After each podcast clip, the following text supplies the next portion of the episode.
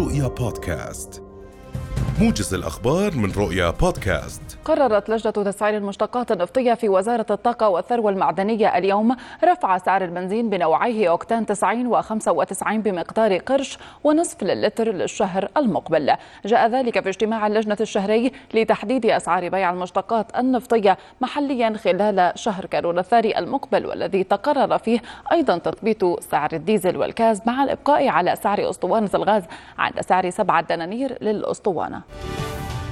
قررت هيئة تنظيم قطاع الطاقة والمعادن اليوم تحديد قيمة تعرفة بند فرق أسعار الوقود في فاتورة الكهرباء لشهر كانون الثاني المقبل بقيمة صفر. وأشارت الهيئة في بيان إلى أن هذه القيمة هي ذاتها التي تم تحديدها لشهر كانون الأول الحالي.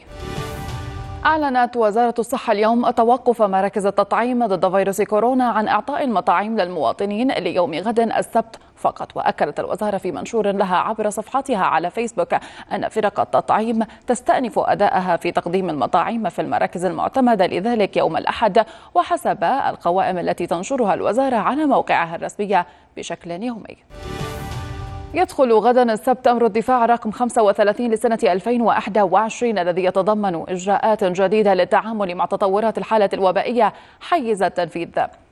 وبناء على أمر الدفاع الجديد لا يسمح لموظف القطاع العام أو العامل في منشآت القطاع الخاص الالتحاق بالعمل إلا إذا تلقى جرعتي اللقاح لكورونا وتحسم الأيام التي لا يسمح له بالدوام أو العمل فيها من رصيد اجازته السنوية.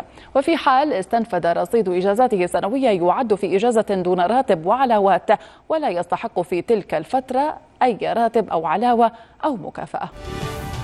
أكدت المؤسسة العامة للغذاء والدواء اليوم أن دواء كلوزابوين الذي يستخدم في علاج حالات الفصام العقلي سيكون متوفرا في صيدليات القطاع الخاص نهاية الأسبوع المقبل مبينا أن سبب انقطاعه من صيدليات القطاع الخاص يعود لنقص توريده من مصدره.